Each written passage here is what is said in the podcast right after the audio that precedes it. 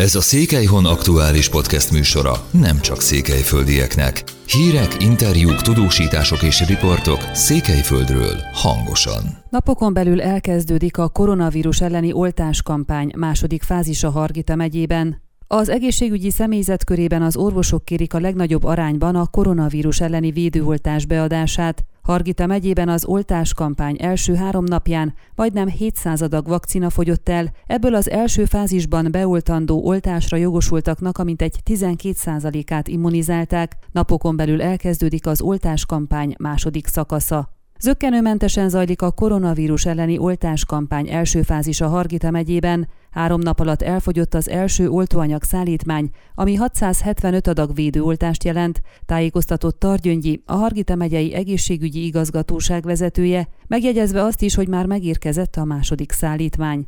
Az első fázisban az egészségügyben dolgozó alkalmazottak, illetve a szociális ellátórendszerben ápolási munkát végző személyzet jogosult az oltásra. Az igazgatóság becslése szerint ez körülbelül 5000 szemét jelent, tehát a harmadik nap végére a jogosultaknak majdnem a 14%-át immunizálták. Az egészségügyben dolgozók közül legnagyobb arányban az orvosok kérték a védőoltást, valamivel kisebb volt az arány az asszisztensek körében, a legkevesebben pedig a kisegítő személyzet tagjai közül igényelték a vakcina beadását, tájékoztatott Targyöngyi rámutatva, ebből is látszik, hogy azok tartanak leginkább a védőoltástól, akiknek nincs kellő ismeretanyaga a vakcináról, Kitért ugyanakkor arra is, hogy a közösségi hálón terjedő, tudománytalan, illetve hamis információk nagyon sokat ártanak az oltás kampánynak. A koronavírus elleni oltáskampány második fázisa január 15-én kezdődik, tájékoztatott a megyei egészségügyi igazgatóság vezetője. Ebben a szakaszban az idősek, illetve krónikus betegek, valamint a kulcsfontosságú tevékenységi területeken,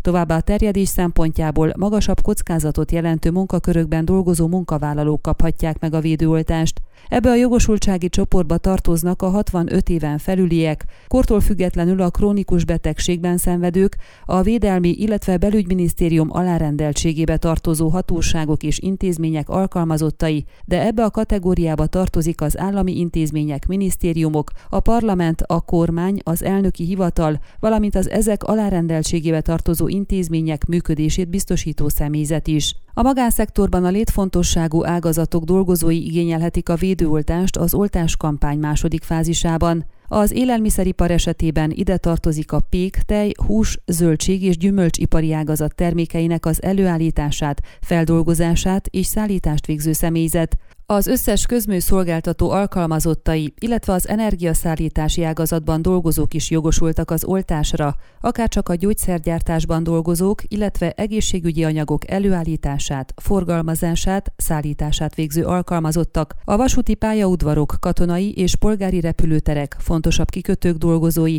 az oktatási rendszer és a bölcsődék alkalmazottai, az egyházi személyzet, a posták és futárszolgálatok személyzete, az állami televízió és rádió alkalmazottai, valamint a sajtó munkatársai, akik a megfertőződés fokozott kockázatával járó tevékenységet végeznek. A felsoroltak többsége intézményi, vállalati szinten kell előjegyeztesse magát az oltásra. A 65 éven felüliek, valamint a krónikus betegek esetében a legajánlatosabb az, ha háziorvosuknál teszik meg ezt, mondta el Targyöngyi. A legjobb, ha a családorvosuknál regisztrálnak, több beszélgető műsorban, amelyekben részt vettem, hallottam, hogy vannak, akiknek különböző krónikus betegségeik vannak, és aggódnak, hogy ellenjavalt-e az oltás. Egyértelműen nem ellenjavalt semmilyen krónikus betegség esetében, Többször kihangsúlyozták az engedélyezési folyamat során is, hogy nincs olyan krónikus betegségcsoport, amely esetében ellenjavalt lenne, még az immunbetegségek esetében sem, de ilyen esetekben beszélni kell a kezelő orvossal, magyarázta az egészségügyi igazgatóság vezetője. A második fázisban lesznek prioritások, Targyöngyi elmondta, arról már tájékoztatást kaptak, hogy az idős otthonokban és a bentlakásos rendszerben működő ápolási központokban élő idősek és betegek kérésre történő beoltásával kezdődik az oltás kampány második fázisa. Ezeknek az intézményeknek már el is küldték a felszólítást, hogy írják össze az oltásigénylőket. Targyöngyi szerint ugyanakkor fontos az is, hogy a szóban forgó idős, beteg emberek az otthonok személyzetétől, valamint a hozzátartozóktól megkapják a megfelelő tájékoztatást az oltás fontosságáról. Az oltáskampány harmadik fázisa várhatóan áprilisban kezdődhet el, akkora viszont az oltóanyaggyártási ritmus, illetve a megnövekedett igény miatt elképzelhető, hogy lesznek torlódások, mondta el az igazgatóság vezetője. Hangsúlyozta ugyanakkor, ezért fontos, hogy aki most valamelyik prioritási csoport tagjaként megkaphatja az oltást, az adassa is be magának, mert kérheti ugyan a későbbi fázisokban is, de akkor már nem tudnak számára prioritást biztosítani. Ön a Székelyhon aktuális podcastjét hallgatta. Amennyiben nem akar lemaradni a régió életéről a jövőben sem, akkor iratkozzon fel a csatornára, vagy keresse podcast műsorainkat a székelyhon.pro portálon.